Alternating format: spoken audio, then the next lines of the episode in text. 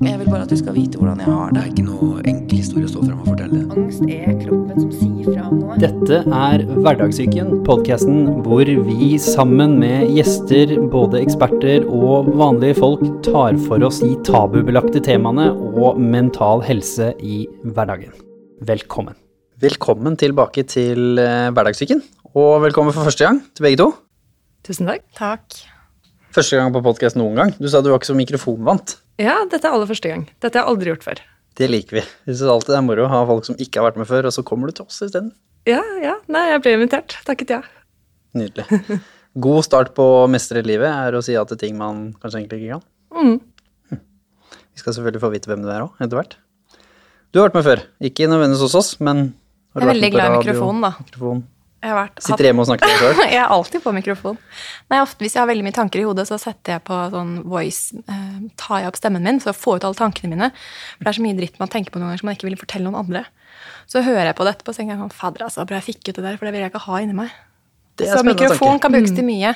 Både å få ting ut en beskjed, men også bare få en slags samtale med seg selv. Ser psykologen nikker, så det er jo et godt tegn. God, god Ja, ja, dette er kult. Jeg liker det. Bekreftelse på at det man har gjort sjøl på egen hånd, faktisk er godkjent av fagpersoner. Derfor jeg alltid tar med en fagperson. Sånn at alt krumset jeg sier, på en måte, så ser jeg om psykologen nikker, eller om de rister på huet. Så jeg bare ok, nei, der er hånda. Ikke sant. Det er rollen min i dag. Det er eh, en nikk eller Nikk rist. eller rist. Mm. Nei. Ja. Det er ikke rollen din i dag. Skal vi få lov til å si hvem dere er òg, da? Så mm, vi skal snakke om burnout, eh, og da også selvfølgelig snakke om det som fører til burnout, eh, og som kan føre til burnout, og også litt sånn dagens moderne samfunn. Fordi jeg tror nok eh, det man så på som burnout før, selv om man ikke kalte det det, det er nok en litt eh, annen ting enn sånn som man ser på det i dag, hvor arbeidsliv og privatliv har på en måte sausa sammen til en sånn eh, god graut. Eh, mens i gamle dager så hadde man kanskje litt tydeligere skiller, da, som gjorde ting litt enklere, i form av å bare balansere. Det føler jeg kanskje ikke man ser på helt likt i dag.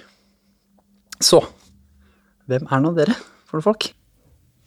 Skal jeg begynne? Ja. Jeg heter Ingrid Luten. Jeg er da psykologspesialist. Um, jobber um, i Favne psykologbistand. Uh, jobber også på Lovisenberg sykehus, helse og arbeid. Så jeg har uh, jobbet ganske mye med utbrenthet, også tidligere arbeidsplasser. Mm. Jeg vet ikke om jeg skal si noe mer uh, relatert til jobb eh, enn det. Vi kommer til det etter hvert år, skjønner du. Så hvem er du, den korte versjonen? Og så skal vi hoppe tilbake til å utfordre fagpersonen vår litt. En veldig, velerfart burnout-dame. Kan mye om det, personlig. Lang erfaring. Jeg har masse bred erfaring. Men jeg, altså, jeg, første erfaringen fikk jeg da jeg var 14. Nå er jeg 29, men jeg har rukket flere runder med det. Jeg, kan, jeg har mange innfallsvinkler på det som jeg gleder meg til å dele med dere. Men uh, min burnout ledet meg jo til Oslo Raw, som er min passion, som er meg. Uh, så jeg vil si at jeg er en skikkelig kakedame.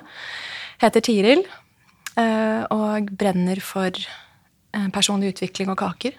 Så dette syns jeg er kjempespennende tema. Naturlig kombinasjon. Kaker og selvutvikling. Yes. Det er nydelig.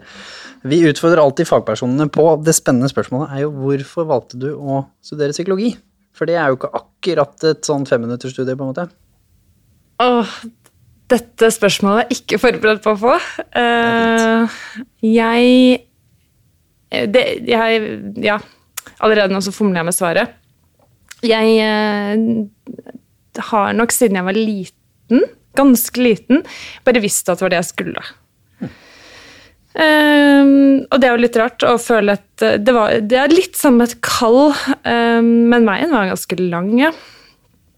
Så, men det å hjelpe folk Jeg har ikke sykepleier, lege, emne i meg. Jeg er ikke noe glad i blod eller sår eller Men hjelpe folk, det, det skulle jeg.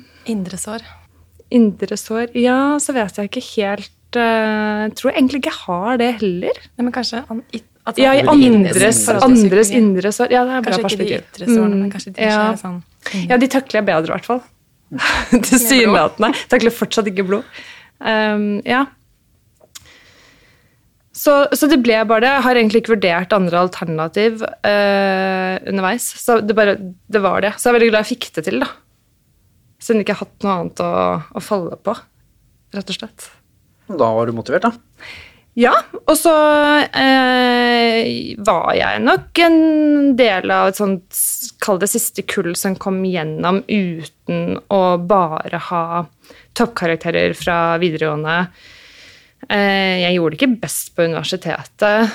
Eh, jeg, jeg reiste ned til København. Altså jeg, liksom, jeg jobbet for det på en litt annen måte enn den å bare få toppkarakterene i eh, den der veldig sånn trakta, da, hvis man kan kalle det det. Vi har hatt egen episode om det, så vi er jo ganske tydelige på at eh, strengt talt eh, fasiten ligger vel ikke å bare ta inn de med toppkarakterer. At man også da kanskje mister veldig mange mennesker som Ja. besitter ferdigheter som er mye viktigere for å lykkes som psykolog enn Ja. å være god i matematikk og naturfag. Ikke at det er noe gærent i det, men Nei, men der, eh, studiet har nok mistet en del av de aspektene, helt klart. absolutt. Ja, det er ikke så romantisert lenger heller. Det er også kanskje like greit, for så vidt. Så kan Ja. man jo tiltrekke seg en litt annen type mennesker òg. Men hvorfor burnout? Hvorfor havna du som det som spesialfelt?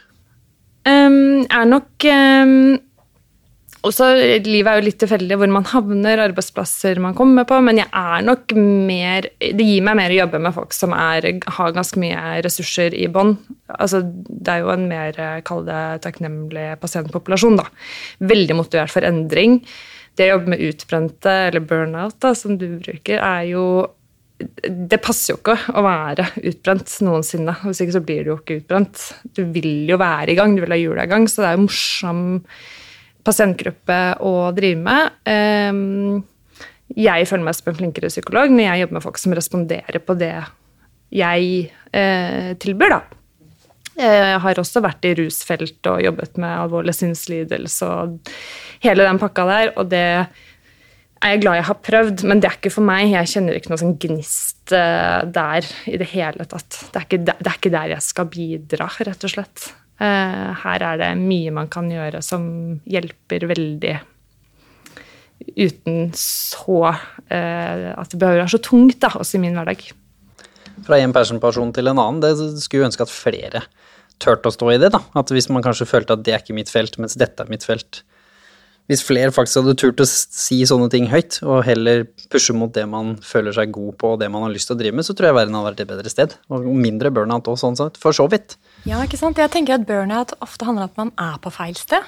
Ikke sant? Så kanskje du hadde vært burned out hvis du hadde jobbet med feil person. Fordi jeg var i Volda og studerte journalistikk da jeg var 18.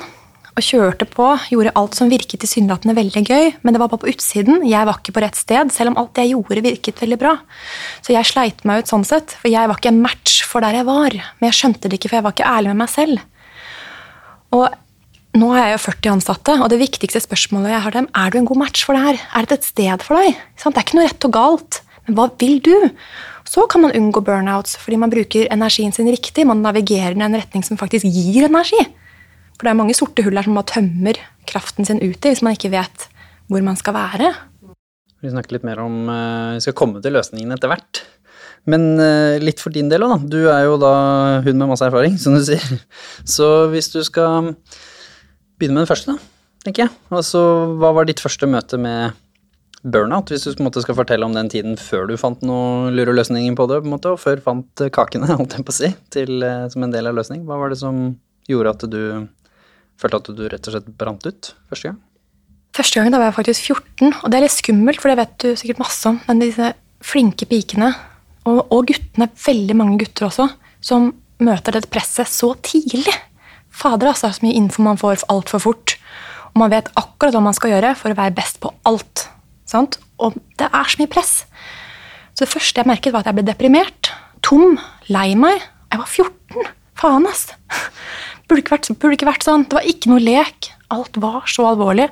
Men ingen så det, fordi jeg smilte på utsiden. Og da aksepterte folk meg. Jeg tenkte at ja, ja, det er vel riktig, da. Men jeg var deprimert inni meg. Så det var, var det første. du ville bli flink på, da? Hva var, liksom, hva var dine mål den gangen? Det var det å få best karakterer på ungdomsskolen, være best i idrett, ikke sant? være med på fester også. Liksom, På alle arenaer. På utsiden. Men jeg var ikke, tok ikke vare på følelsene mine, behovene mine, lyttet ikke til meg selv. Og det gjør at man blir jo tom og trist. Men da jeg virkelig gikk på smellen, da var jeg, det var i Volda, da var jeg 18, så da hadde jeg min andre runde. Og da var jeg helt tom. Og, men det gikk også på musklene mine. at jeg, jeg hadde ikke lenger noe kraft. Jeg var helt tom. Men det var jo før jeg begynte å føle. For først møter man jo på en måte bare en helt tomhet som er bare helt forferdelig. Man vet ikke hvem man er, man vet ikke hva man vil. Husker du en av de tøffeste dagene fra Volda, som folk som sitter i det nå kan kjenne seg litt igjen i? Hvordan, hvordan var Jeg liksom husker at tempoet var så jævlig høyt lenge. Og så fikk jeg en sånn stemme langt inni meg som sa sånn Du må roe ned.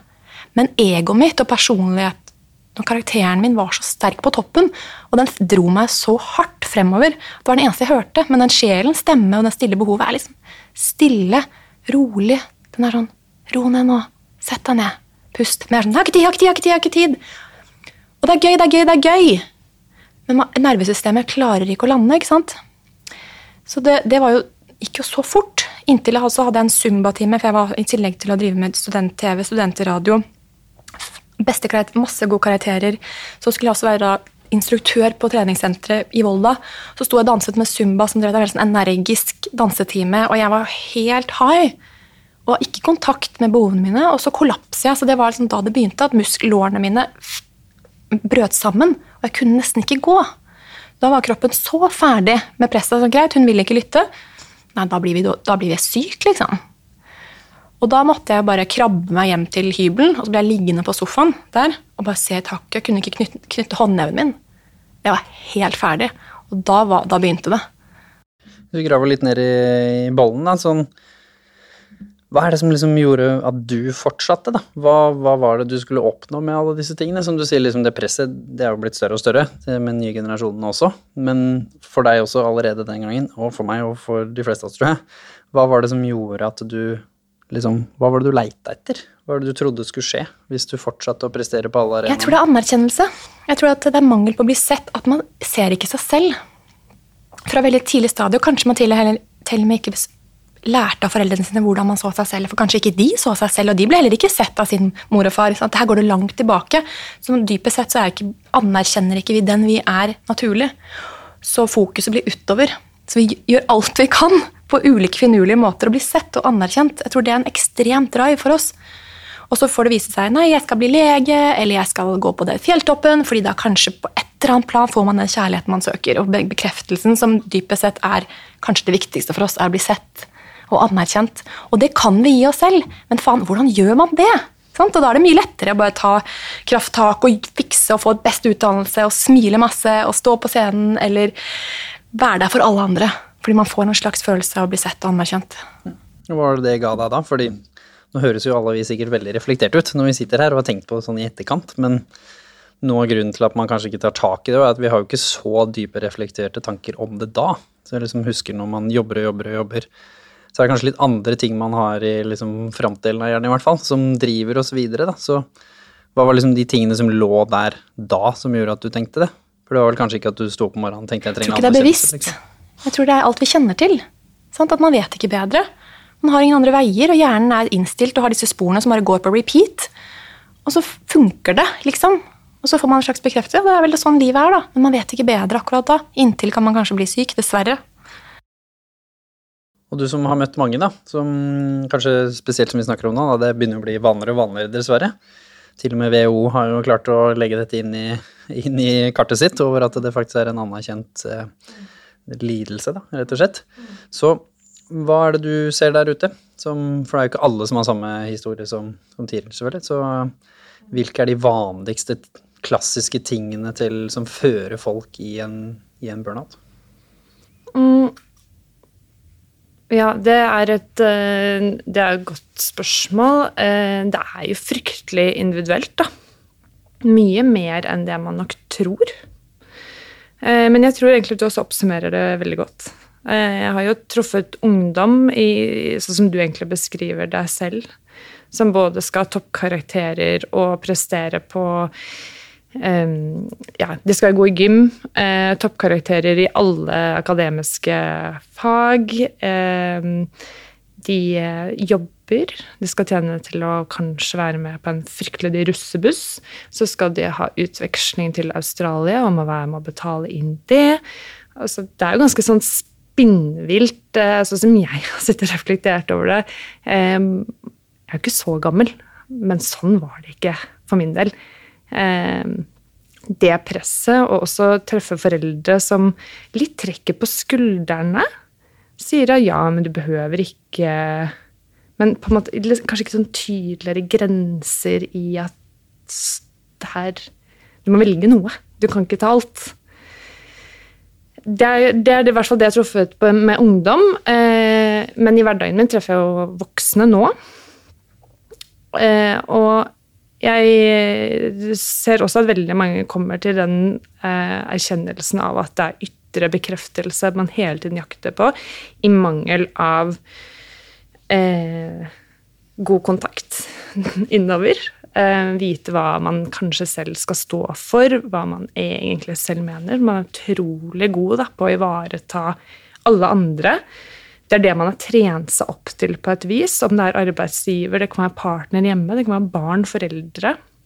Så det er så mye bredere enn bare arbeidslivet, da. Men der er vi jo fryktelig mye, da. Og eh, i Norge har vi også utrolig sånn sterk identitet. Altså vi er jo hva vi driver med. Så der må vi prestere.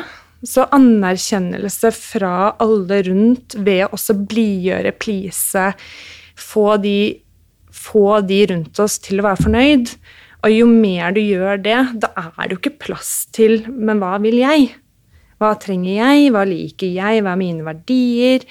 Ehm, så den stemmen, sånn som du beskrev litt den der ro deg ned nå-stemmen, den er jo veldig sånn, liksom brutt, da. Den er ikke den kontakt med hva trenger jeg nå, den fins ikke, eh, opplever jeg stort sett på mitt kontor, da. Men der har det jo gått ganske langt når folk har kommet dit. Når de ender opp i klinikken. Så mm, det ser jeg veldig mye av, at den må kobles på igjen. Men det er jo en ganske lang vei dit, for det handler jo om å gjenhente en del energi i prosessen med å, å få kontakt med den indre stemmen. Om, og, som også handler mye om egenkjærlighet. Bare være god nok for den man er. Og man er Stort sett er vi average.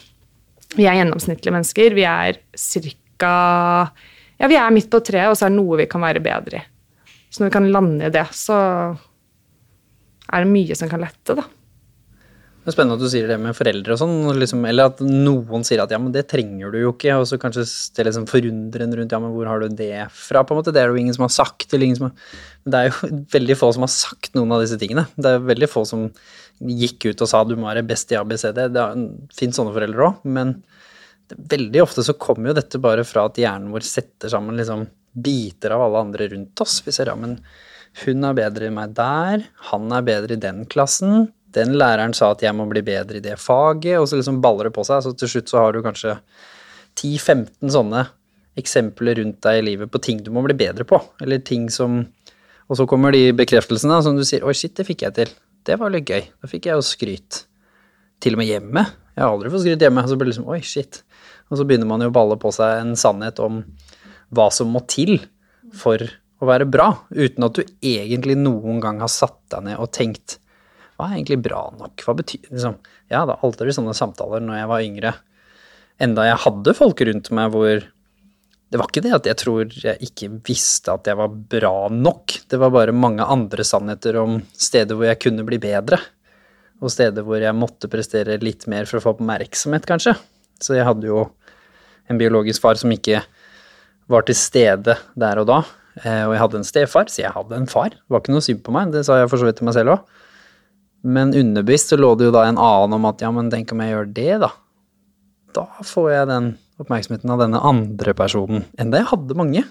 Men veldig finurlig. Sånn sett har jeg vært superheldig i forhold til mange andre jeg har møtt på min vei, på en måte. Og hvordan dette her da bare fortsetter inn, og kanskje spesielt hvis man ikke får et emosjonelt språk, da. Jeg sa det senest i stad når vi var på besøk i, i Oslo fengsel og vi jobber med samarbeidsprosjekt der, da. Jeg hadde ikke klart å forklare deg hva som foregikk inni meg hvis noen satte meg ned foran en psykolog, om det var når jeg var 13 eller om det var når jeg var 27, på en måte. Helt irrelevant. Jeg hadde ikke noe godt språk. Litt bedre når jeg var 27 enn når jeg var 13, men ganske stusslig hele greiene. Fordi jeg aldri lært det. Det var ikke noe behov for å forklare hvorfor man var sliten, så hvorfor skal du høre på den lille rare stemmen inni huet ditt da som sier ja, men ta det litt rolig nå. Da blir det jo litt sånn jo, men klarer det her. De andre klarer det jo. Og så nå i sosiale medier hvor de andre er jo alle.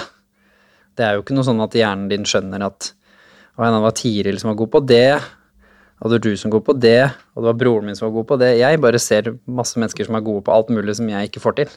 Og så sitter jeg der med et bilde av at jeg feiler overalt. Uten å ta i det perspektivet at det er jo forskjellige folk jeg sammenligner meg med hele tiden. På forskjellige ting. Det, da vil du aldri vinne, da.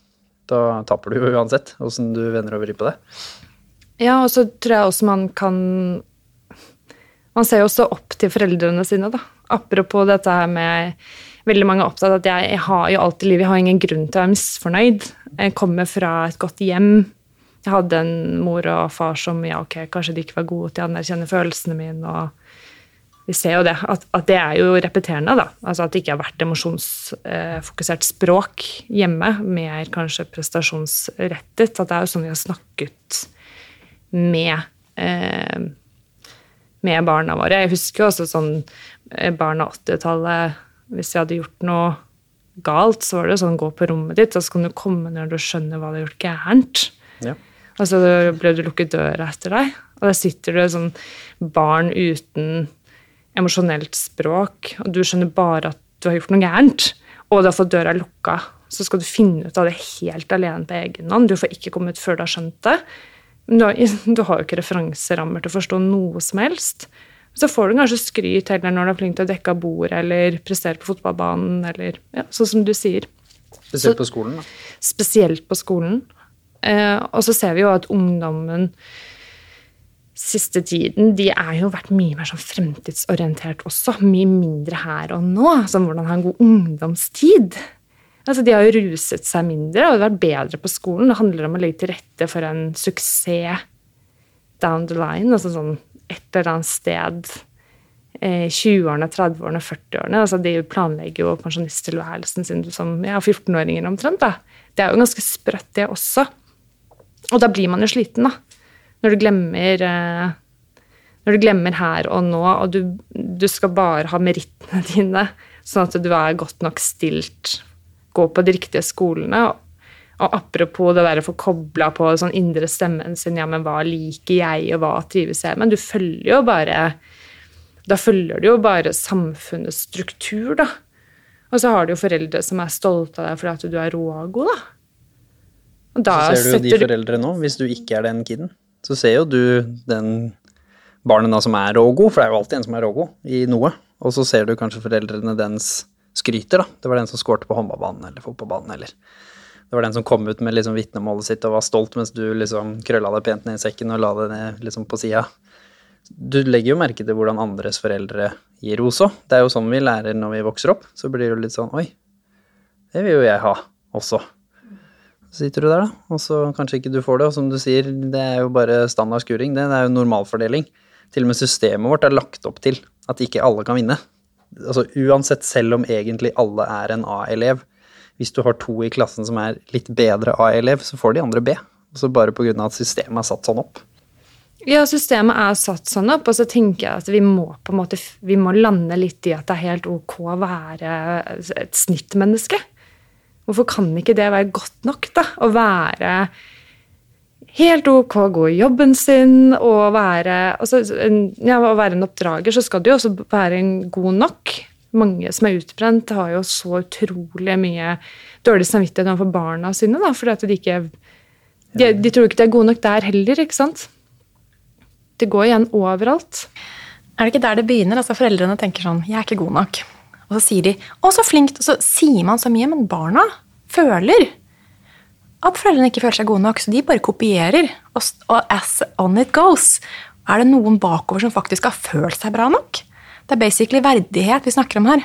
Fordi Mangel på verdighet gjør at man skal ha de karakterene. Sånn, de betyr ingenting egentlig for vår verdi. Den er uavhengig, men vi har ikke lært det noe sted. Det spiller ikke noen rolle hvor mye mamma og pappa De var fantastiske med meg. De sa 'slapp av' hele tiden. Det dreit i det, fordi jeg gjorde det de gjorde. Jeg opplevde ikke at de så seg selv. Ikke sant? Selv om de har gjort en fantastisk jobb. Så jeg kopierer dem. For de er mine største forbilder. Sant? Så vi skaper disse forbildene, og vi gjør som dem. Så um, jeg tror det går rett på det, som du sier. Og jeg har sagt mange ganger at mine liksom Utfordringen min var at jeg har vanlige, vanlige mennesker, er jo de fleste er nok sånn her, men har liksom et selvverd som du kan lande på. Så selv om du bommer på en prøve, selv om du feiler, så liksom har du et sånn medium pluss-nivå som du lander på. Problemet mitt var at mitt selvverd var 100% til slutt forankra i prestasjon. Så hvis jeg gjorde det bra, da var jeg knall. Da var jeg ok trygg med meg selv. Hvis du hadde sett meg utenfra, som du sa, med masken og smilet, og liksom, så hadde du sikkert tenkt at han har det fint. Karakterene er gode. Han er god i idrett. Han virker som folk liker han. Ok. Men hvis jeg bomma, selv om det da bare var at jeg fikk fem når jeg visste jeg kunne få sekser, uansett hva nivået var, og var det i et fag som jeg visste at fire var det beste, så var det liksom tre som var dårlige. Det var ikke liksom tallet som var viktig, det var at jeg svikta meg selv. Da var jeg ubrukelig. Det var ikke noe mellom. Det var liksom fra bånn til topp. Og sånn levde jeg livet mitt. Opp og ned. Som selvfølgelig da over tid blir ganske problematisk. Som det da til slutt et eller annet tidspunkt bare sånn underbevisst, da. Når du sier nå høres ut som jeg har tenkt masse på det, og det har jeg i etterkant, men der og da så bare jaga jeg neste, neste, neste, neste. Jeg aldri kosa meg over noe som var bra den gangen. Uansett. Jeg brydde meg ikke om den feedbacken jeg fikk heller, der og da, som du sier. For med en gang jeg hadde fått den, så var det bare en sånn 0,1 sekunds glede. Så da skulle jeg neste. Da skulle jeg neste. Skal jeg neste. Skal jeg neste. Da fikk jeg jo ikke noe igjen for at jeg fikk skryt engang, som jeg kanskje kunne liksom ha kosa meg litt med, da. Og lært litt av, men jeg gjorde det ikke. Så det er en veldig uheldig match, fordi lav selvverd, som vi kjenner til, pluss et sinnssykt sterkt ego. På, på denne klo, på, på, klo, ja, på denne kloden så er jo hodet vårt ekstremt sterkt, og ego, som er en slags personlighetsvariant er ikke- Jeg vil ikke si at det er vår kjerne, vår kjærlighet, den virkelig dypeste versjonen av oss selv. Ego er jo på en måte en karakter, en stemme som er blitt plukket opp, som du sier, av litt der og litt der og litt der. Vi har liksom, jeg, en identitet. Jeg er Tiril, jeg er glad, jeg er blond, jeg er fra Oslo vest. Jeg gjør dørt, dørt, dørt, dørt, dørt, ikke sant? Det som, er, det som er farlig med ego, er at det er så ekstremt negativt ladet, og hjernen henger seg opp i det negative. Vi vil ikke høre på det gode. Og i kombinasjon i tillegg med at man ikke tar imot. Det er også skummelt å åpne seg opp og ta imot, så er dette en skikkelig dårlig cocktail. Det bare må poengtere det med hodet vårt, at det er så negativt orientert. og Vi plukker alltid opp det verste. Si man får ti gode komplimenter. Én negativ ting, så er det den som sitter, dessverre. For det er sånn hjernen opererer, og det er viktig å huske, ha med det i beregningen. Hjernen er sånn. Sant? Ego er. Vil bare fange opp farer hele tiden. Så det er ikke noe galt med oss, men vi må kan trene opp hjernen som du sikkert vet masse om, til å faktisk bygge nye baner og mønstre, så vi faktisk endrer kroppen vår og virkeligheten vår. Og faktisk ser vet hva faen, vi er bra nok, liksom. Men det sitter jo i hjernen. Og det får jo fysiske plager. Sant? Når jeg har dårlig selv, selvtillit og jeg snakker negativt til meg selv, så får jeg dårlig mage. Jeg, jeg, jeg får dårlige bakterier i magen, jeg får påvist tarmsykdommer. For det kommer av at jeg tenker skikkelig negativt om meg selv, pluss at jeg sier ja, jeg er syk. Så jeg blir syk. Og så har jeg testet det, og så endrer jeg på tankene, så får jeg bedre fordøyelse. Dette er fysikk. Sånn at Man må huske på det også, at vi kan endre det. og Det er sikkert det vi kommer inn på snart også. Løsninger. Stemmer det. Hvordan, hvordan var det for deg på det verste, da, som du sier? Fikk kanskje egentlig, hvis folk så det utenfra og liksom fulgte deg som flua på veggen, så kan man egentlig tenke at uh, dette gikk jo egentlig ganske greit. I dag fikk du åtte gode tilbakemeldinger, én vanlig konstruktiv en og én dårlig. I de fleste menneskers liv så er det hæla tak i og en god dag, på en måte. Men så hvordan var det for deg, da, som du sier, at du kanskje tok den ene og kosa deg med den? Jeg tror ikke jeg var til stede, som du sier. Jeg tror ikke jeg ville ikke være her og nå, for det første. Altså at Jeg kunne ikke ta imot. Jeg jeg bare var egentlig sånn som du sier, i fremtiden. På neste mål. Så hodet mitt var fremover. Ingen var til stede i kroppen. Og jeg tror at det er en flukt fra følelsene våre. Sant? At det gjør oss utbrente, for vi vil ikke føle. Fordi vi er et så mindset. For mindet er så kraftfullt i verden, og tankene og det eh, er så sterkt at det stopper oss fra, fra sansene våre, fra følelsene våre. Det er skummelt å føle, det er sårbart. Vi er egentlig sensitive alle sammen, veldig følsomme. Og det er så mye lettere å legge lokk på det og tenke. Og da er man jo ikke til stede, da kan man ikke ta imot kjærlighet eller komplimenter. Man tenker bare ok, fikse, fikse, fare, fare, ordne, ordne, ordne. Og så blir man jo deprimert. Men jeg tror det er disse følelsene som vi savner. Sant? Og da er det mørke, det er sorg, det er tristhet. Så når jeg var på mitt verste, så skjønte jeg fader heller. Jeg løper fra sorg, jeg løper fra sinne. Jeg er ensom. Jeg vil ikke føle på det. Og når kroppen da slenger meg i bakken, så blir jeg nødt til det. Så, jeg, ja, så det var jo på det, det Da begynte jo reisen min. Da begynte liksom del to av livet mitt, som så ut som et helvete, men som ble den vakre reisen. ikke sant? Og det var så mørkt. Jeg ville ikke leve. Jeg vurderte sånn, ok, er det best å drepe meg selv med piller. Jeg vurderte alle tingene, fordi det var så bunnløst mørke, som dere som sikkert har hørt masse om. ikke sant? Disse, det er ikke noe lyst. og Man ser ingen utvei. Eh, Man vil bare bort fra seg selv. Og det er jo der det begynner. ikke sant? Fordi at Egentlig så er det jo ikke bare mørkt, men det er en, en vegg man ser. Og det jeg da heldigvis fikk hjelp med av en veldig god terapeut, det var jo å begynne å føle. Sant? Begynne å anerkjenne sinnet mitt, og at jeg egentlig hadde lyst til å sette grenser. Jeg hadde lyst til å si nei, jeg hadde lyst til å skrike. Jeg hadde også lyst til å være ordentlig glad. Hele spekteret. For det var borte. Du klarte ikke å være glad lenger. Nettopp, for de kan alene. ikke fungere alene. ikke sant? Det er, dette er hele verden. ikke sant? Vi må ha regn, lys, sol, torden. Det, det kommer og går, det skifter. Det er ikke så farlig hva slags vær det er. Det er hvem vi er bevisst, hvem vi er bak, ikke sant? som følger med på dette og observerer det. Så um, redningen min var faktisk når jeg åpnet opp den døren og begynte å grine. Da hadde jeg jo ikke grått på kanskje ti år, ikke sant? for jeg var jo for faen meg for flink til å grine. Jeg hadde ikke tid til å føle. Hvorfor ville du ikke gråte da? Hva tenkte du om det? For da ville jeg kollapset. Da ville jeg begynt å lytte til den stemmen vi har snakket om. Fordi den henger jo med følelsene våre. For vi er jo følelsesvesener som navigerer hele tiden med intuisjon. ikke sant? Men åpne opp den døren, så visste jeg at identiteten min kommer til å bli, være i en krise. Fordi jeg står ikke for det jeg lever. Og det er for heavy til å ta et oppgjør med, så jeg unngikk det utsatte så lenge jeg kunne. Ubevisst, selvfølgelig. Inntil kroppen sa nei, nå er det nok. Og noen ganger er det litt bevisst òg. Jeg husker flere ganger hvor jeg har vært litt sånn Folk liksom Ja, ta det rolig, ta det rolig, ta en fri helg, liksom gjør de tingene der. Så var jeg også sånn at hvis jeg setter meg ned nå, så vet jeg at jeg kommer til å kollapse. Og jeg vet at hvis jeg ikke setter meg ned nå, men så bare tar liksom sånn litt pause, så jeg vet at jeg kan fortsette litt til. For jeg har gjort dette så lenge. Så man har jo liksom, føler jo litt sånn mestring i galskapen òg. Man tenker jo at liksom Ja, men dette har jeg kål på. Så du har ikke lyst til å sette deg ned ennå. Det ser kjempekoselig ut inni hjørnet her. Hvor det er sånn koselig hjørne her på kontoret.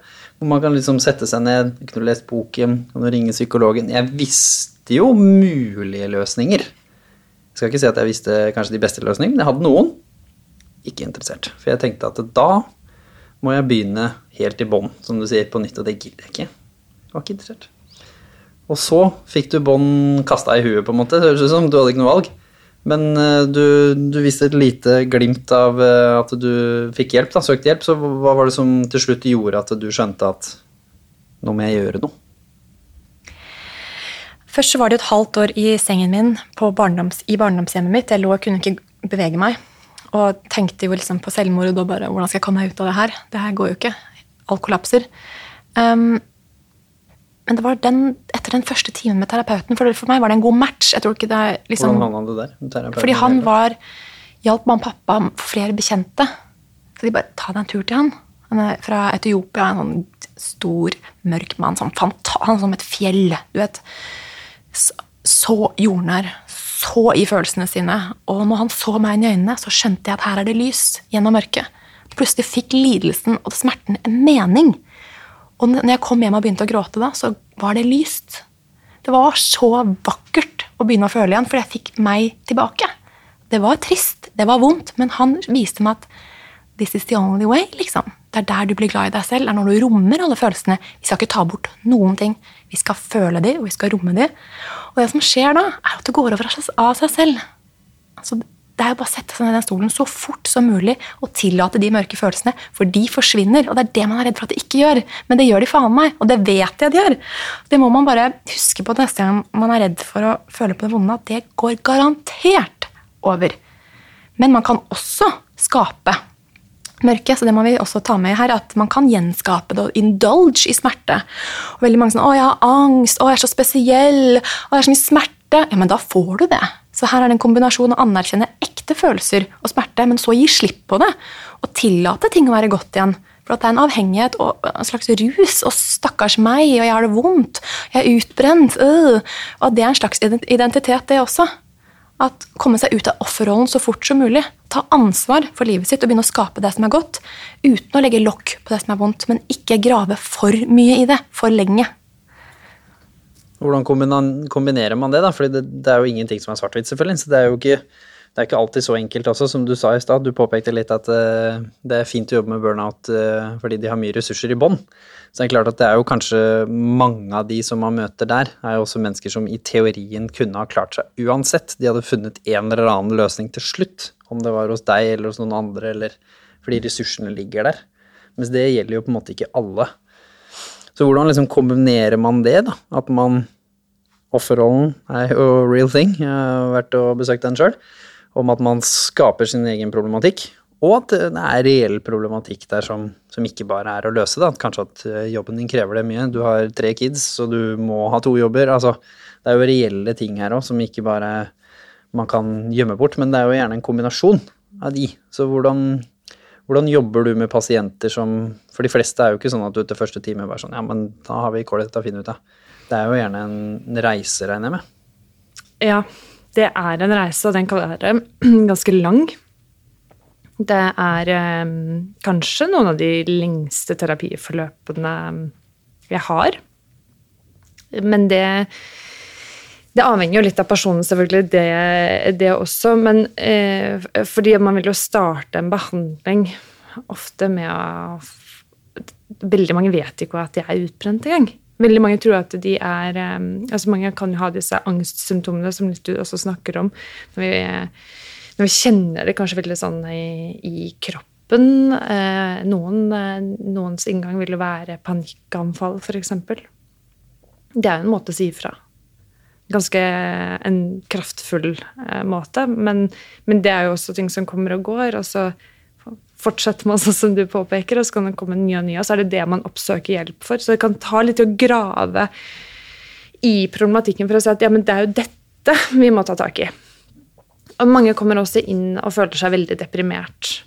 Og eh, det kan jo være en depresjon som kommer som et resultat av at man er utbrent. Man kjenner jo ikke seg selv igjen. Hvor er den ressurssterke meg som, som kan alt mulig og sier ja til alt som alle liker, for jeg sier alltid ja. Eh, nå er jeg sur på alle menneskene rundt meg og orker ingenting og, og vil ingenting.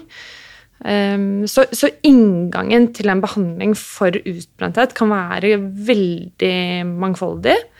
Um, og veldig mange vet ikke at de er utbrent.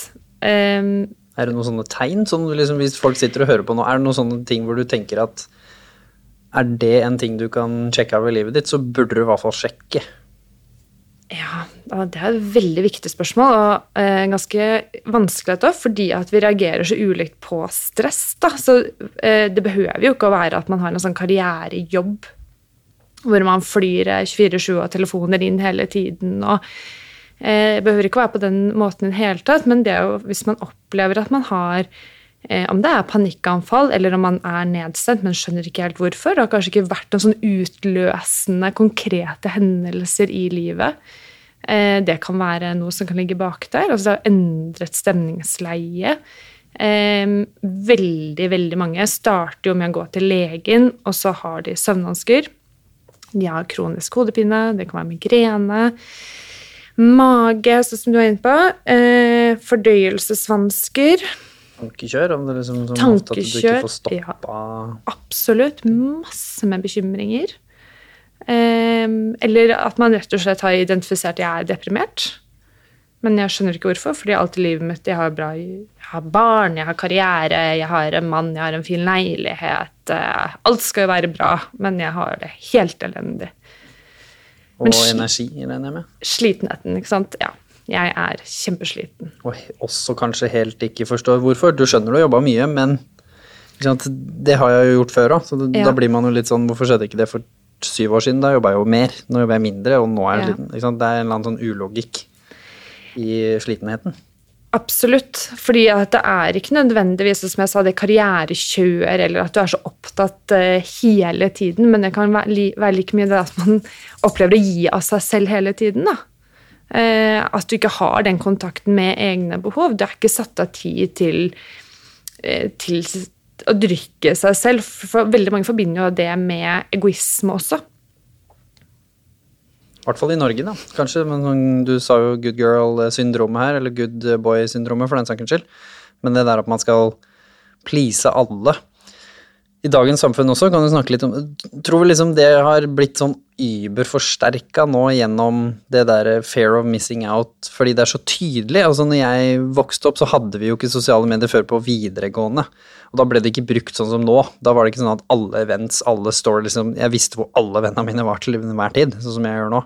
Så da var det jo lettere å liksom bomme på noe, så kom du på mandagen og så var det sånn Å, shit, var du der i helga? Ja, det visste jeg ikke, hvordan var det? Og så var ikke jeg sånn stressa for at jeg ikke hadde vært med. Mens nå er det jo sånn Å, shit, er, de er på fest og så sitter jeg hjemme. Sitter jeg Jeg har gått hjem klokka åtte, er det greit? Burde ikke jeg gå ut nå, liksom? Shit, halvparten av vennene mine er jo bare rett eh, to kvartaler ned. Jeg burde jo gå ut. Og så er jeg sliten. Og så går jeg ut. Liksom, det er noe i dette som fortsatt mater det som vi snakket om i stad, blandingen av eh, anerkjennelsesbiten, men også den derre hvis jeg ikke er med her, så har jeg mindre verdi på jobben eller skolen på mandag. Eller i morgen, eller hva det skal være. Jeg tror vi er overstimulert. Og mobilen og skjermer og alle signalene hele tiden stimulerer det nervesys, altså sympatiske nervesystemet. Vi er på hugget hele tiden. Slash frykt. Ikke sant? Og da er vi på alerten. Vi tenker alltid etter farer. Er jeg utenfor? Er jeg ikke en del av flokken? Så det går på urinstinktene våre hele tiden, og vi får ikke landet. Det fikk vi før i tiden. Da var det ikke noe som Det var, det var ikke det øyet hele tiden på, på, på, på. Jeg tror hjernen vår må koble av. Og når den får hvile, så kommer den verdi, selvverdien inn, selvkjærligheten, den indre stemmen, alle disse tingene. Men så lenge den hjernen er så sterk, så vil den kjøre oss over. Så det er veldig viktig at man finner avkobling. Og ikke prøver å fikse problemene. Si sånn, nei, ikke, fikse at man er burned out, ikke fikse at fear of missing out. Drit i alt det der. Bli stille, liksom. Gi deg selv Give yourself a fucking break. Så man kan gi slipp og rom til seg selv. For det, skal, så lenge man prøver å fikse ting, skal, så er det også en motstand mot det som er, istedenfor å romme det. og si sånn, vet du, det, Angst er ikke unaturlig. Det er en følelse man kan gi rom for. Med en gang det er plass og anerkjennelse av problemet, så mister det litt kraft. Man trenger ikke å ta det bort. Man kan føle på det. Jeg er sterk nok til det. Ah, så kan hjernen også få slappe av litt, for at kropp, det er godt å være i kroppen. Men mange vil ikke ned i kroppen. ikke sant? Jeg husker at Det var det verste jeg visste, var å være i kroppen. For Da ville jeg føle. Det vil liksom, jeg vil ikke være menneskelig, jeg vil bare være oppi hodet, for det er addictive. Spennende. Hjernen er så enormt kraftfull, og så mange muligheter der. Men den kontrollerer oss. Vi må kontrollere den. Vi må være bevisste og være styrt og være sånn hm. At det er en slags bevissthet som, som observerer følelsene og tankene. Og det er der vi kommer med, inn med meditasjon. Og faktisk bare romme, og ikke fikse noen ting. Og det vil hjelpe veldig, tror jeg, på so me. Ikke sant? Fordi at det er så mye trafikk hele tiden, og vi fordøyer inntrykk så fort at vi, vi rekker ikke å slippe til hjertet vårt. For det er, det er en annen stemme. ikke sant? Det er en roligere, da vurderer du. sant? I før satt man på date, og så kunne man være litt sånn keitete, og man hadde, det var skummelt. sant? Men nå får man sitte, sitte på Tinder, og man slipper å føle. Og vi trenger å komme ned i kroppen og føle, så dette hysteriet oppi hjernen kan få hvile litt. For det er der, tror jeg, the fear of missing out er bare tankekjør. Ja. Kjenner du på folk som liksom kommer inn og bare Jeg føler litt kanskje at de aldri helt har tenkt litt på det og bare vært litt sånn apatisk i det. Og bare kjørt litt den typisk eh, fullført sannheten du trodde var sann. Litt sånn her, hvor bare alt rundt deg, sosiale medier Du vet egentlig ikke nesten hvor det kommer fra engang, og så bare, som du sier det, så sitter du der, så har du egentlig et bra liv på papiret. CV-en din ser fin ut, men inni deg så føler du deg som en taper, på en måte, og en som syns livet er helt ubrukelig, og så skammer du deg over det òg. Fordi det tør du i hvert fall ikke si til noen, fordi du har mer enn kanskje vennene dine. Altså hvis du skulle åpna til dem og sagt du, stakkars meg, jeg har det så fælt, og så har du mer enn de, så blir det jo i hvert fall sånn Det skal jeg ikke gjøre. Ja, jeg tenker der det er eh, en del som kommer inn litt Ikke har tenkt gjennom faktorene i livet i det hele tatt. eh, Lever veldig med strømmen, da. Eh, og dette her med å være sosial og påkobla og ingen Ja, ikke være kanskje litt kritisk til eh, sosiale medier, og, og det, det å sitte og hvile eh, med å scrolle ikke, ha, ikke har gjort seg opp en mening rundt det. Da. At det kanskje ikke er så lurt. Alltid være på, eller sove med telefonen ved siden av seg. Så med første du gjør når du står opp, er å sjekke nyhetene, og så får du inn kjipe nyheter. Du har ikke engang gått ut av senga. Så jeg syns jo at en del er um, Når det gjelder mobilbruk, altså eh, digitale plattformer, veldig Nei, jeg, jeg syns det er sånn tema hvor jeg kan føle meg som psykolog litt sånn tante Sofie. Eh, og så kjenner jeg motstanden når det er tema. Når det er tema, at hva med om telefonen ligger i et annet rom når du sover? Hva med å ha litt av og på? Hva med å fjerne notifications? Eh, og det syns jeg er fascinerende. da. Én ting er jo med 22-åringer.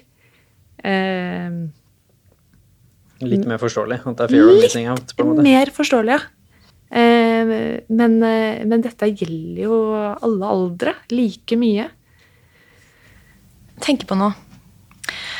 Hva om man ikke fokuserer på det i det hele tatt, og bare dropper hele mobilgreiene? Ikke si at det ikke, at det ikke er bra, sånn, men at man finner passion. Man finner hobbyer. Alt fra strikking til en ny jobb til å bli interessert i håndverk.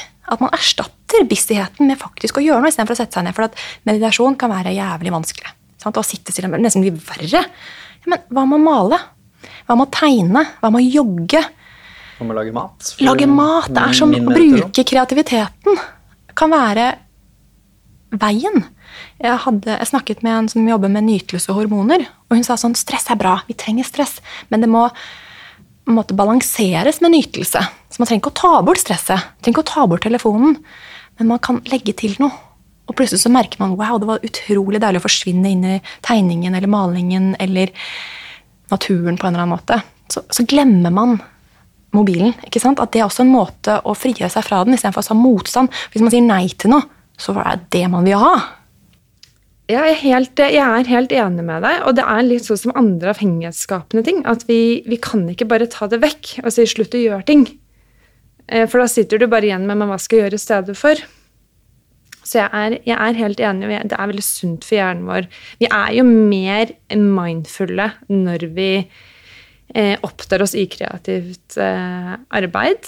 Eh, så, så det støtter jeg. Jeg tenker Det er så mange ting man må, man må tørre å gå seg selv litt eh, i sømmene også. Være litt mer eh, Vi snakket om dette her med sånn offerrollen. Det kan være ganske tøft. da. Det er også et tøft tema i terapirommet å si dette er faktisk ditt ansvar. Skape den endringen.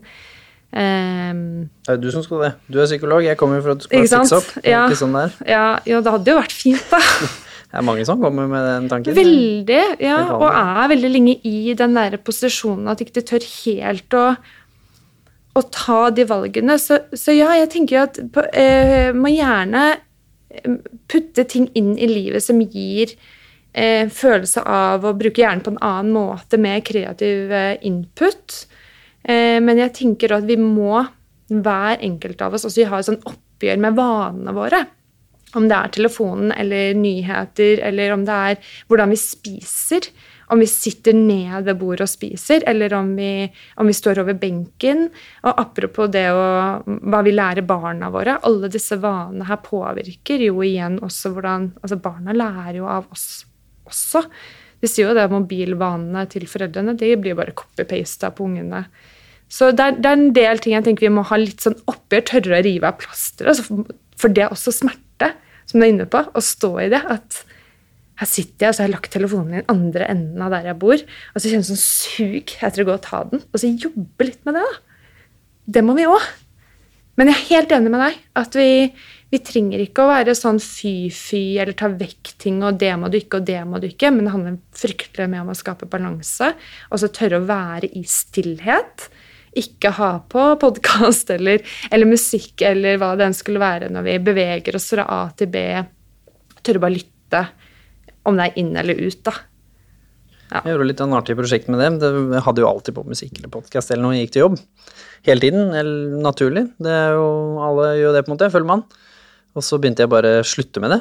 Bare sånn bevisst en periode, selvfølgelig, for, strengt, for å prøve å kjenne litt på hvordan det var, og så etter hvert justerte litt sånn opp og ned. Og det er enorm forskjell når man da tar bort det stimuliet og går hjem. Så kan man plutselig legge merke til andre ting. Nå har jeg ADHD, så det å legge merke til ting var ikke så vanskelig fra før, men da bevisst la jeg merke til mer ting, da, og ga meg litt selv sånne oppgaver sånn ok, nå skal jeg finne én ting jeg ikke har sett før, på den samme veien som jeg har gått hver dag. Og så plutselig begynte jeg å titte mer opp, og så ble jeg sånn oi, det er en skulptur midt i veggen på meg, det har jeg aldri sett, jeg har gått der sikkert 500 ganger.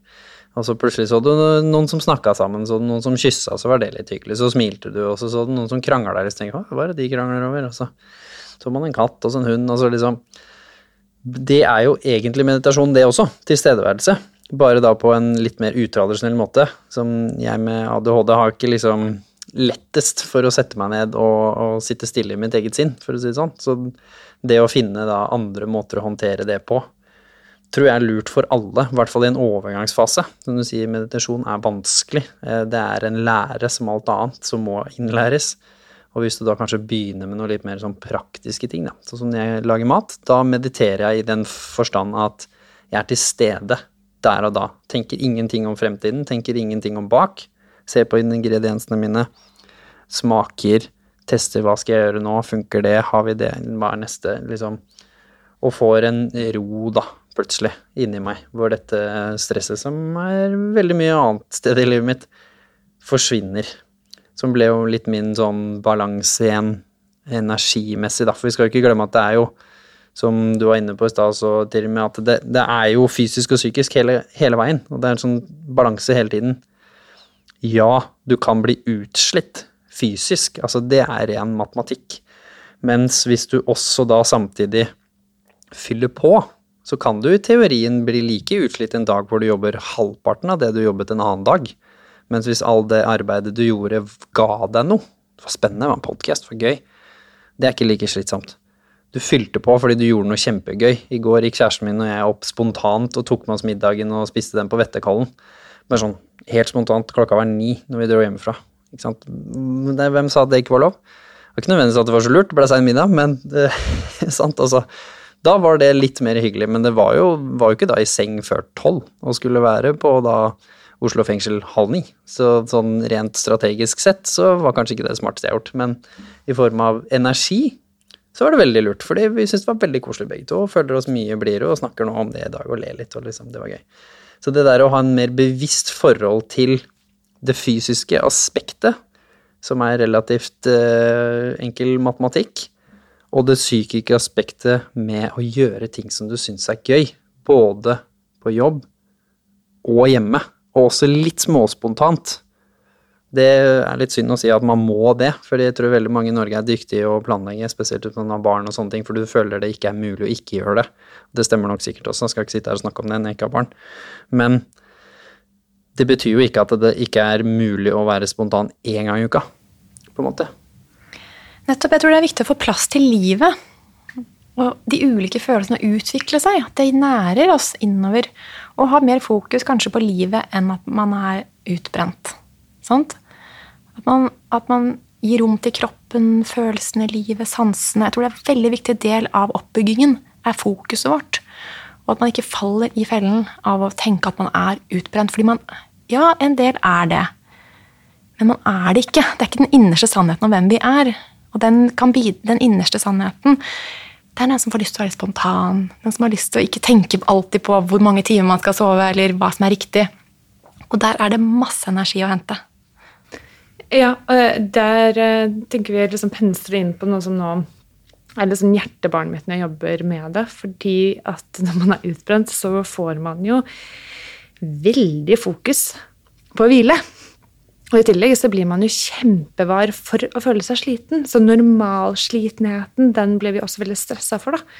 Så da får du det oppå i tillegg. Eh, og det å planlegge at eh, ja, på den dagen så gjør jeg sånn, og så det betyr at da må jeg hvile hele dagen etterpå. Da, må, altså, da, da låser du jo livet ditt veldig i aktivitet, hvile.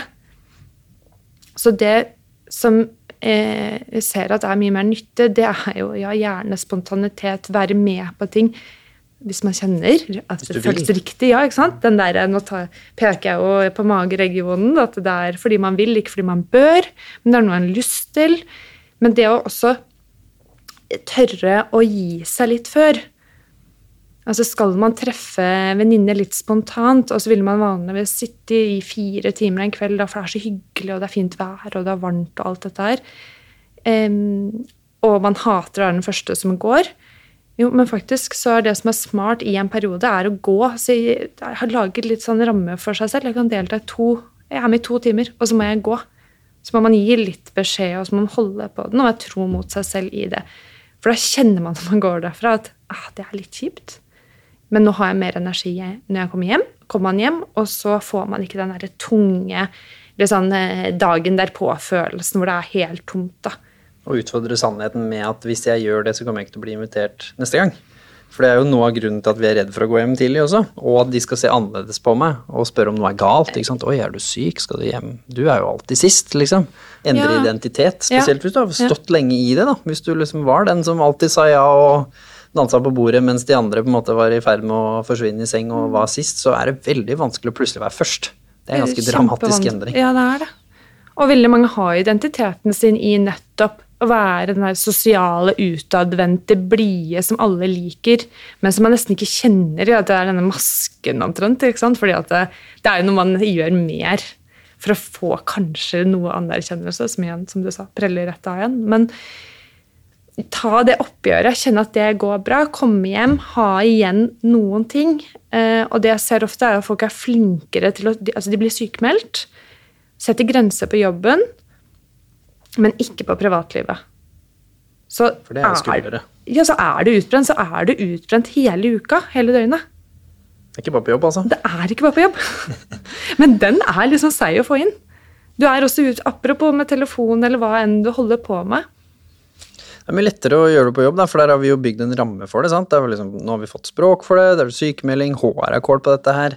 Det er til og med sånn halvveis anerkjent blant dine kollegaer. sant? Så da er det greit, da. Men så når du plutselig skal drasse dette inn i privatlivet Jeg holder jo mye foredrag til bedrifter om at psyken din fra privatlivet blir med deg på jobb, men det funker jo andre veien òg. Altså, det presset og stresset du opplever på jobb, blir jo med deg hjem òg. Så jeg er jo helt enig i at det er viktig å snakke om også da at ta ansvar for der hvor du er, og si da også ok, nå har jeg det sånn. Føl på det. Hvordan er det å ha det sånn? Hvorfor har jeg det sånn? Men også hva skal du gjøre med det? Og ikke bare sånn passiv sitte i det at eh, du venter på noen svar. Ta gjerne ideer, forslag hvis du ikke vet. Les, hør på denne podkasten, snakk med en fagperson hvis du føler at det er riktig for deg. Men så må du legge planen. Og du må ta ansvar for alle her som har prøvd å endre noe i livet, når planen ble gitt av noen andre, og du ikke helt var med på den, kanskje, og kanskje ikke helt ville heller, det går skeis. Og hvis du gjør det half-ass, på en måte, så går det i hvert fall skeis. Hvis du er litt sånn ja, nå skal jeg hvile litt, og så skal jeg Går det liksom en måned, da, så kjenner du energinivået opp, og nå jazzer vi på igjen. For dette har jeg ikke tid til. Jeg har ikke tid til å være burned out i seks måneder. Det gidder jeg ikke. Da går det jo gjerne til eh, fra 14 til eh, 18, og så får vi runde to, og da er det full knockdown. Istedenfor at man kunne tatt tegnene. Det er ikke nødvendigvis sånn at man skal skjønne dem av 14. Men det er jo mange 42-åringer som kom inn første gang, og så kommer de inn andre gang 48, og så kommer de inn fjerde gang 52, og da er det natta. Og så kanskje du må bli uføretrygd, da. Worst case. ikke sant? Det er noen som klokker helt inn nå, når de da har holdt på sånn i 30-40 år. Så det er det der å Podkasten burde jo ikke nødvendigvis bare handle om og alle dere som er burned out, for jeg tror det er forferdelig mange flere som er i ferd med å bli det. Det er jo de vi virkelig må snakke til. De fleste som er burned out, har i hvert fall skjønt det og begynt der. Det er verre med alle de som ikke har skjønt det. Ehm, Og hva gjør vi da? Så du som vet såpass mye om det fra eget liv, da, hva, hva tenker du liksom man kan gjøre nå? Hvis man hører litt på det her nå, så kjenner man litt sånn ok, jeg kjenner meg litt igjen, vil ikke bruke ordet burned out eller utbrent, men det er litt mye. Noen klassiske ting vi sier. Nå er det litt mye. Og så begynner man å si litt nei til venner, og så begynner man å bli litt eh, Endrer man personligheten litt og begynner å føle at livet er litt eh, mer seigrodd enn en vanlig, da. Hva har du lært fra ditt eget liv som du tenker eh, kan være nyttig å teste ut, hvis man kjenner at man er på vei? Det viktigste, føler jeg, er å ville seg selv det beste. Man fortjener det beste. Man må ikke ha dritt. Man må ikke behandle seg selv som dritt. Man fortjener faktisk alt godt.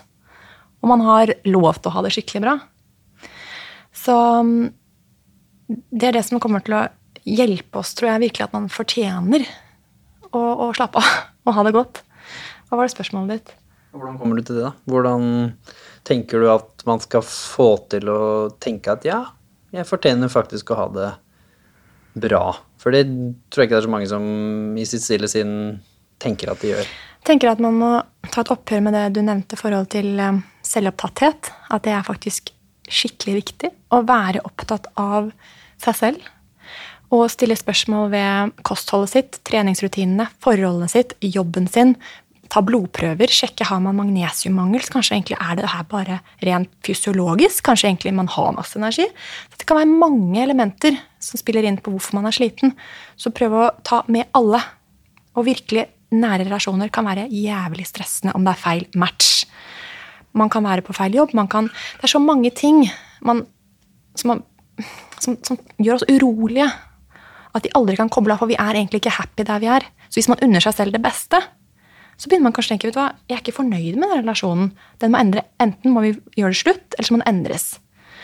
Nei, jeg er ikke fornøyd med jeg, den maten jeg gir meg selv. Jeg fortjener det beste. Nei, jeg skal ha mer grønnsaker, kanskje. Jeg skal ha vilt kjøtt i dag, for det fortjener jeg. ikke sant? At man får dekket alle behovene sine. Basically, Man fortjener det beste. Og da begynner man kanskje å ta et oppgjør med alt som gjør at den uroen skapes. Tanker? Ja, jeg, eh, jeg eh, har lyst til å støtte meg veldig til eh, denne tanken om at man, man behø- Den der å hvile eller ferie er noe du skal kun ha etter at du har jobbet kjempehardt og fortjener det. Det er jo det du er litt inne på. Altså, Man kan ha det bra hver dag. Vi må ikke Det er en eller annen sånn samfunnsholdning om at vi skal, vi skal virkelig jobbe for å fortjene mm, premien. Det tror jeg vi må gjøre et oppgjør med. At vi kan fortjene å ha det godt hver eneste dag, og at livet egentlig ikke skal være en, en stor eh, oppoverbakke med hvor vi bare kjemper da, hele tiden. Det var derfor jeg startet eh, Oslo Raw. At og da sa jeg alltid kake til frokost. Fordi at det ga en sånn what the fuck? Kake? Nei! Det må man kanskje fredag kveld når jeg har slitt skikkelig. Er sånn, La oss snu på det. Vi nyter før vi yter. Så fyller man på lagrene, og så gir man. Altså, jeg, jobber sinnssykt mye, men jeg er ikke sliten. Jeg har jobbet mindre før, var mye mer sliten. Fordi det gir meg så mye glede. Om det handler om de små gledene. Man kan faktisk ha det bra hver dag. Man skaper det selv. Så lenge man er kjent med behovene sine og unner seg selv alt godt. Så jeg er veldig opptatt av disse symbolske tingene. Tenne et lys, spise kake hvis man har lyst på det. Slappe av. Det trenger ikke være party, liksom. Det kan være å smake kaffen. Høre en fugl. Og det er faktisk veldig store gleder. Men jeg tror vi må komme litt back to basics. Jeg er helt klare enig. begge deler, da. Man kombinerer liksom Hvordan skal du klare å være litt mer til stede, som du sier, og ta Akkurat nå fikk jeg lyst på sjokolade, og så tør du å stå i det, og samtidig klare å forstå konsekvensen av langsiktige ting. For det er klart, hvis du har lyst på sjokolade hver dag, eh, fire ganger om dagen, og på en måte kanskje ikke har lyst til å trene, og da ikke trener, og liksom, så begynner det å balle på seg, som du sa i stad, se litt på de vanene man har, og livsstilsvalg man har. Hvis man ønsker det. Altså, det er jo en fri verden, så selvfølgelig, hvis man, hvis man vil ha det sånn, så, så er det jo greit. Men hvis du kjenner at du er sliten og energimangel, så er jo kosthold en, selvfølgelig ofte en av faktorene. Så det å klare å tørre å si at man blir ikke tjukk av å spise sjokolade én gang fordi du har lyst på den der og da. Man blir heller ikke tjukk av å spise kake til frokost. Men hvis man faktisk da ikke tar ansvar for den langsiktige effekten av å spise kortsiktig energi, for å bruke nerdespråket mitt fra idrettsverden, så blir jo blodsukkeret ditt veldig forstyrra, og da vil du føle deg sliten, selv om du egentlig kanskje ikke er sliten. Så det der å tørre å si litt sånn ok, spise sunt, knall det, men jeg har også lyst til å faktisk da fokusere på å ha det litt bra. At ikke alt må være liksom ferie, jobbe, kos, kjipt, sunt, usunt. Altså, verden er ikke sånn svart-hvitt. Kakene dine, sånn meg bekjent, er jo ikke så fryktelig usunne heller, satt opp mot alt annet. For da er det jo liksom, hvis man ser på hva du har oppi der òg, så er det ganske mye som er bra for deg. Så kanskje det er en sunnere frokost, egentlig, enn en det de fleste andre i Norge spiser med to brødskiver og brunost. Kanskje ikke det var eh, det verste. Og ikke minst da, tør å si til deg selv da hva er det jeg vil? Så sånn til slutt her kan vi jo snakke litt om passion. Vi har vært innom det flere ganger. Det der med ok, la oss ta jobben til slutt, da. Fordi veldig mange av de andre tingene tror jeg alle har et forhold til. Mens hvis du jobber et sted, og i denne lille selvevalueringen din, hvor du går gjennom alle tingene i livet ditt, og du stopper på jobb, og det bare knyter seg i magen, du skjønner at liksom mye av grumset kommer derfra, hva gjør man da? I, i Norge, på en måte? Er det Skal man bare slutte, da, som Petter Stordalen sier? Skulle akkurat til å si det samme. Ja. det For det er jo ikke så lett for alle, så, så hvordan, hvordan kan man liksom ta tak i jobb, da? For det er jo en typisk elefant i rommet. Som for jobb må du ha, eller så bor du på gata og alt det der. Og det er høyere arbeidsledighet i Norge noensinne, så det er ikke bare å slutte å finne seg en ny jobb heller. Nei, men Jeg vet ikke om det er så komplisert. ja. Altså, det jeg ser, er jo at eh, folk blir jo helt apatiske i alle valg. De, de, ja, men jeg vet, Ingrid, jeg vet jo ikke hva jeg vil når jeg jobber med å koble på denne indre stemmen. Jeg, jeg kjenner ingenting, jeg hører ingenting. Du må spørre deg selv gang på gang på gang. Til slutt får du svar. Du må tørre å høre etter. Får du ikke sånn konkret eureka 'jeg skal drive med dette her', så tenker jeg at du må tørre å bare begynne å ta valg Prøve. prøve. Og så koble mer og mer på hvordan kjennes nå dette for meg. da, Var dette bedre? Eller møtte jeg i hvert fall noen nyinspirerende mennesker som guider meg videre på en eller annen kurs. Så er man i hvert fall en person som tar valg knyttet til å ikke trives, ikke ha det bra, ha den der grumsen i magen hver eneste dag, velge å gå på jobb med det, opprettholde det dag etter dag etter dag. Så det er jo å ta ansvar. Bare tørre å ta et valg, selv om ikke du vet akkurat hva drømmekarrieren din skal være, da.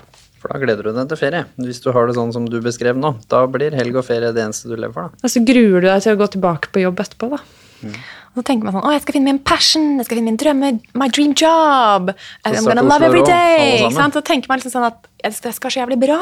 Så sånn, vet du hva? Først kommer det til å være dritt. Det kommer til å være skummelt. Det kommer til å bli hardt.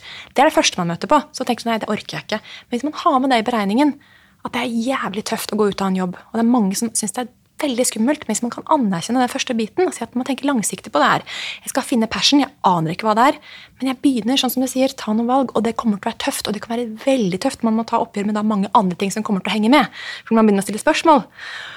Så ikke ha så store forventninger til at det blir helt fantastisk med en gang. Fordi min, min dream job kom jo ut fra helvete inni meg, hvor jeg hadde det skikkelig tøft. Jeg hadde, ikke, jeg hadde ikke lyst til å bli entreprenør, jeg visste ikke hva det var engang. Jeg visste ikke hva business, altså jeg hadde ingen erfaring i businesslivet. Jeg hadde ikke hatt en jobb engang. En sånn ordentlig jobb. Så det kom fra grumset og mørket. Og jeg tror det er viktig å huske at det er mye bra i mørket. Og sånn som Jeg kjenner veldig, jeg har mange venninner som sitter i så perfekte jobber, men de er ikke lykkelige. Men valget er så ubevisst, og det er så skummelt der ute, for man vet ikke at man heller sitter i det. Men hvis man kan si ja, men livet på jorda er ganske tøft. La meg liksom bring it on, liksom. Det har vi fått bevis på det siste halvannet året, føler jeg. At, Ikke sant? Og at man ikke, ikke at man skal skjermes fra dem, men heller at der finner jeg min sanne kraft og styrke. Og der kan det faktisk komme et skikkelig passion project som kan hjelpe veldig mange. For det er det det handler basically om, at vi må kunne hjelpe andre. For Det er der vi finner lykken, det er der vi finner ro og glede, er når vi kan være i tjeneste på en eller annen måte, og samtidig ha det jævlig gøy. Så kan man jo begynne litt frist, da. Du har liksom den ene retningen, det er jo den der typisk hopp i det, for da må du. Det kan være en veldig suksessfaktor, så lenge du føler det er mulighet for å gjøre det. Da må du jo evaluere livet ditt litt. grann. Da har du tre barn, og alle de er avhengig av at du bor i leiligheten og liksom hopper ut i et jobbmarked hvor du vet at det er 1000 søkere. ikke sant? Altså, noe logikk må, noe evaluering må ligge bak. Men det kan funke på den ene siden. Og den andre siden kan være prøv å være frivillig. Prøv eh, å søke en stilling hvor det er permisjon. ikke sant? Hvor det er sånn, nei, er, her er det en som skal ut i mammaperm eller pappaperm, så kan du få den rollen i seks måneder, i tre måneder, tolv måneder. Så kan du teste med en form for retrett, spørre om permisjon på din egen jobb. Jeg har mange venner som har gjort det, som har sagt til sin arbeidsgiver at du, jeg står i disse tingene her. Jeg syns det er veldig spennende. Jeg har lyst til å lære meg ny kunnskap. De selger inn sånn, da. De sier jo ikke at de er drittlei jobben min, liksom. Det er en dårlig start på en samtale med en arbeidsgiver. Så det kan være et lite tjuvtriks hvor du sier jeg har lyst til å lære meg nye ting. Så kan jeg få ett år permisjon fra den jobben jeg har nå, til å prøve ut det her. Det er ganske sjelden, i hvert fall i store organisasjoner, hvis du er en av de som jobber der, for der er det ganske vanlig, at du får nei. Da får du ofte sånn ja, ok, eller jeg vil studere. Skal du ikke måtte jobbe hele tiden. Selv om du er 50 og du sier du vet, jeg har lyst til å begynne å studere litt markedsføring. Jeg har egentlig alltid likt det, men nå sitter jeg her og jobber på økonomi. Nei, jeg er egentlig ikke fan. Og så kan det hende til og med jobben din kan være med å betale det på deltid, fulltid. Jeg fikk deltidsutdanning mens jeg jobba. Spurte pent, fikk ja. Fikk da lov å gå på kveldskurs på, på BI og studere da ledelse. Jeg var ikke i noen lederrolle der og da den gangen, så det var ikke nødvendigvis noe jobben min tjente noe på det, men jeg spurte, fikk ja. Så det er liksom mange måter å teste, og så er det hobby, da, som jeg snakker om. Jeg er jo hobbykokk, syns det er veldig gøy. Har jobbet med trening hele livet ved siden av, fått masse betalt noen ganger, og andre ganger så har jeg bare gjort det fordi det er gøy, fordi det gir meg energi. Så begynn å knote litt, da. Mange har blitt eh, erfaringskonsulenter og coacher og mentorer og rådgivere. Det er jo, føler jeg er ganske poppis om dagen. Prøv det, da. Har du en venn som, og du tenker du er dyktig med mennesker, spør om du har noen i vennekretsen din. Vær så tøff at du legger ut på Facebook og sier jeg er veldig god til å lage kaker. Jeg har lyst til å prøve å lære andre å lage kaker. Er det noen jeg kjenner som har lyst til å komme til meg en søndag og lære? Og så hvis det funka fett, oi, kanskje du skal begynne å selge kurs? Er Dyppe tåa litt. Det er veien. Jeg hadde raw food-kurs i, i stuen min, liksom. Og jeg, altså, det var så lite. Men tenk hvor jeg er i dag. Altså, sånn, det, alt må starte så smått, og det er nettopp det som er spennende. Det er aldri for lite, egentlig. Og man, så, man, man trenger ikke å tenke så stort på det. Og man kan gjøre det ved siden av andre jobber. Og passion og hobbyer kan utvikle seg i de minste ting. Jeg hadde aldri trodd at jeg kunne leve og lage kaker. Altså, det, det var helt hilarious. Jeg var sånn Nei, det ville aldri gått. Og her er jeg nå, da. Har 40 ansatte. Fire avdelinger. Altså Nordens største plantebaserte kafékjede. Jeg ville aldri trodd det, men det startet med miniskritt. Jeg hadde en deltidsjobb på en klesbutikk. Og da sto jeg latet som inni meg at jeg jobbet i kafé. For at jeg, begynte å visualisere det, og det var sånn folk tenker jeg var gal. Men det begynner i sånn mini indre bilder. Og Å ønske seg godt, da, som du sa. Og ja, ønske at du lykkes òg. Nettopp. Man, Det det for, man fortjener det. Visualisering er helt vanlig i toppidrett. Du visualiserer at du kjører det perfekte løp. Ikke at du skal vinne eller ikke vinne, men du visualiserer at du skal få det perfekte løp. Og en tid. Det kan til og med være knytta til en tid. Selv om du da i bakhuet vet at den tiden gjør at du vinner også. Sånn kan man gjøre i det vanlige livet. Du kan visualisere at det å spørre sjefen fører til et ja på permisjonsspørsmål. Du kan visualisere at du får den jobben selv om det er 1000 søkere. Da i hvert fall øker sjansen, tenker jeg, da, for at du gjør det riktige i det intervjuet. Jeg tror vi skal liksom avmystifisere det der med å visualisere og manifestere. Liksom folk tenker det er sånn der svada-greier. Det er egentlig ganske enkelt. At hvis du går inn i et intervjurom og har en genuin tanke om at det er mulighet for at du får den jobben, så garanterer jeg deg at du oppfører deg annerledes enn hvis du går inn i det rommet og tenker 'den får jeg jo ikke allikevel'. Så da øker jo sjansen for at de kommer til å synes du er en bra person. Hvis du kommer inn med litt mer positiv energi, litt sånn, enn hvis du kommer inn litt lutrygga og liksom tør ikke å se på dem også. Så det trenger ikke være så fryktelig vanskelig med manifestasjon. Så magisk er det ikke. Det handler om hvordan du oppfører deg, da. Som du sa i stad, tror du at du har tarmproblemer, så får du ikke noe mindre tarmproblemer, i hvert fall. Da stilles disse kritiske spørsmålene sånn Er jeg egentlig så utbrent hm, at man begynner å lage seg nye baner? At man kanskje man faktisk kan reprogrammere hjernen, altså livet sitt? Det er også et perspektiv. Sånn, er jeg egentlig stressa? Nei, kanskje egentlig bare jeg er dritglad? Ah, så slapp man det presset og den negativiteten rundt det. For jeg får fått sånn at jeg, jeg har sykt mye energi, og så har jeg en idé sånn Nei, jeg må slappe av, jeg er så stressa, det er så dårlig. Sånn, men egentlig så er jeg bare glad. Og så frigjør jeg meg selv, og så får jeg enda mer kapasitet. Ja, og det Det høres er teit ut. trossystemer. Men jeg også har gjort det samme, hvor alle andre sa at jeg var jobba for mye og var sliten. Og på papiret så gjorde jeg det, og hadde jeg jobba i shipping som jeg gjorde før, like mange timer som jeg gjorde nå, så hadde jeg blitt utbrent også. Men man må jo tørre å utfordre den sannheten som du sier, og også si ja, du må være så stressa hele tiden, vet du hva. Det er lenge siden jeg har vært stressa, faktisk. Det skjer jo selvfølgelig innimellom, men det er ikke stress som er min største utfordring, på en måte. Det er helt andre ting som entreprenør som som, som plager meg, på en måte, enn en det å være stressa, faktisk. Fordi jeg gjør så mye av det jeg syns er gøy, og stort sett så handler det om at jeg har lyst til å si ja til litt for mye ting som jeg ikke har tid til. Og det trenger ikke nødvendigvis å føre til stress. Det fører jo bare til at jeg tenker at shit, jeg er glad for at det skjer mye, for det- fire år siden skjedde ingenting, på en måte. Så det var mer stressende, egentlig. Så siste tingen jeg vil si der, er takknemlighet. Det kommer du inn på. Det er utrolig viktig verktøy. At man er takknemlig for det man har, og ikke fokuserer på det som er negativt. Men begynner å legge merke til det som er godt. For det endrer livene våre. Ja, helt klart. Det har jo kjempestor eh, virkning hvis man klarer det. Det er jo en eh, programmeringsendring, veldig effektiv og sterk en, som eh, handler om Hvis man bestemmer seg for å ha en takknemlighetslogg hver dag, da, fire ting man ønsker å være takknemlig for, starter du dagen med å, å lete etter det du skal sette pris på. da. Om det er å smake kaffen fordi man klarer å være tilstedeværende, eller en kunde, eller en eller annen hyggelig dialog med kassadama. Det må ikke være disse store tingene, det må være fine øyeblikk. Det var jo du inne på i stad også. Da begynner vi å lage disse nye sporene i hjernen som leter etter fine ting i livet, i stedet for alt det som bekrefter Gud, så sliten jeg er. Åh, så tungt det er. Nå må jeg hjem og hvile. Så det er jo veldig, veldig sterkt. Og jeg har også veldig lyst til å si noe om at det vi eh, må bli mye mer bevisst på, er at det, eh, du, dette her med ego og tanker Men det er bare tanker. Vi kan, vi kan ikke kjøpe alt vi forteller oss selv eh, inni hodet heller.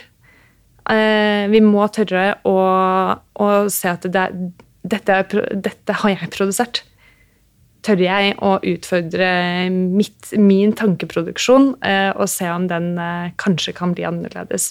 Det er ganske viktig sånn, steg inn i dette her. Og så tenker jeg dette her med eh, hva vi manifesterer og hva vi er takknemlige for, det kommer på en måte litt sånn Det kommer litt ned eh, down the line hvis vi tør å stoppe opp og eh, betvile. Litt kildekritisk mot oss selv. Jeg Altså, Hvem kommer dette fra, egentlig? Ja. Er det en god kilde, eller er Ja, det gammel moro fra jeg var 13 og ikke Som jeg har tenkt ganske mange ganger. Er det så interessant å tenke det igjen? Og som du sa, ikke være redd for tanker. for Vi snakket om det i stad i, i fengselet. Så var det litt sånn Ikke forvent at livet plutselig skal bli hæla i taket hvor man bare våkner og er blid hele dagen. Også, for det er jo ikke sånn. Bare fordi at man har kommet forbi et tøft stadie. Så er det ikke sånn at jeg nå hver eneste dag syns at jeg er en herlig fyr og ikke har vonde tanker eller dårlig selvverd. Eller, sånn funker jo ikke livet. Det er jo opp og ned, men nå har jeg helt andre verktøy til å håndtere det. Det var som jeg sa før, var jeg kanskje i de tre måneder. Nå er jeg kanskje i de tre minutter. Og det er ganske stor forskjell. Når jeg nå merker at jeg kjenner på den vonde følelsen og bare kjenner åh, et eller annet ved deg selv du ikke er fornøyd med, eller du kryper ned i et gammelt høl, så bare sånn nei, æ, vent litt, du er på vei ned, og så før du lukker liksom kumlokket over deg og er klar for å slå deg ned her, så merker du at her har jeg vært før. Hit skal ikke jeg ned. Snakkes. Opp igjen. Og da blir det litt sånn veldig mye lettere å være seg selv, og da, som du sa i stad, da får du alt været, på en måte. Da sier du ikke at det er farlig å ramle ned i det hullet, men du vet også at du skal ikke helt ned i det hullet, for der har du vært før. Der er det veldig dårlig vær over tid. Så da er det litt den der med kombinasjonen av de, da, tenker jeg. Sist, men ikke minst, hvis dere har ett konkret lærdom fra eget liv som dere tenker at de som hører på, kan teste ut bare sånn i morgen. Nå har vi nevnt mange ting, så det kan godt være noe som har sagt før. Men hvis dere skulle prøvd én ting, hva skulle det vært etter at man har hørt på denne podkasten? Begynner med meg. Mm. Eh, Da har jeg lyst til å utfordre å Prøve å ha det litt stille rundt seg. Skru av radio etter man har hørt på denne podkasten. ha det stille, kanskje en halvtimes tid. Se hva som skjer. Se hva som skjer. Jeg er veldig enig. Jeg trenger det akkurat det der. Det må jeg bare gjøre selv. Um, jeg er veldig glad i å få ting ut, da. Og jeg er veldig glad i selvkjærlighet. Og iblant så, må, så ser jeg meg selv i speilet, og så klapper jeg meg selv på siden og er sånn Hei, Tiril. Jeg er her for deg. Jeg er, jeg er min venn. Jeg trenger meg. Jeg liker meg. Det er ganske sterkt å se seg selv i speilet og si det. Det er sånn wow, ok. Hm. Jeg er verdt det, liksom. Jeg er verdt, jeg er verdt meg, liksom. Og jeg er faktisk den jeg trenger aller mest. Og Iblant så må vi gjøre det så konkret og faktisk se oss selv i speilet. Det er veldig fysisk å faktisk klappe på selv og bare gi meg selv en sånn god klem. og så er det sånn, «Ah, Det er trygt. liksom. Hvis jeg er stressa, så er det sånn «Ah, men Jeg er trygg. Jeg er her for meg. Og da holder jo den voksne Tiril, det lille barnet inni meg Sånn, det, er jo, hun- det er jo en lille Tiril som er redd. ikke sant? Da må jeg gå inn som en voksen mamma inni meg og bare løfte opp det lille barnet. bare sånn, Du er helt trygg. Dette går fint. Så det Sånn kan man komme i kontakt med seg selv, også gjennom det jeg sa i starten, med å ta opp stemmen sin. Få ut ting, ha en dialog med seg selv gjennom speilbildet, gjennom telefonen. Eller bare snakke ut. Iblant så, late, så setter jeg på headsetet, så går jeg på tur, så snakker jeg bare ting ut. Så ser jeg som jeg snakker med noen. Alle bare, ja, hun snakker sikkert med noen, men da får jeg ting Smart å ha headset, da. Så ser du folk ikke helt ut der. jeg har jo ikke liksom, og, og det er deilig å få, få, få den tilliten til at jeg har meg. Og jeg har mine verktøy. For meg, Det er et rom for meg inni meg. Og jeg har plass i denne verden med mitt uttrykk. Jeg tenker, se i livet ditt, så ser du, er det noen arenaer hvor du vet at du ikke tenker på fortid og fremtid? Om det for, meg så var det matlaging, det kan være trening, ikke sant, det er forskjellige ting. Og så finner du det, og så sørger du for at du har bitte litt av akkurat det minst fire ganger i uka. Uansett hva det er. Og så sørger du for at du legger det, og du prioriterer det, og så tester du det i to uker. Og så tar du en liten selvevaluering på hvordan føltes dette versus når du ikke var bevisst på det. Og så ser du litt ja, Det fører noe artig med seg. I tillegg til å teste dere på de to andre tingene. Og siste tips som vi ikke har snakket om, men det er kanskje nesten det viktigste vil jeg mene å si, er pust. For det er det mest effektive verktøyet for å bare komme inn i nuet. Bare en ett dypt pust hjelper, liksom. Stopp. For det stopper hjerne, hjernen vår, og det kan vi gjøre hvor som helst og når som helst. Så nå kan dere være med oss og puste. Skal vi puste inn?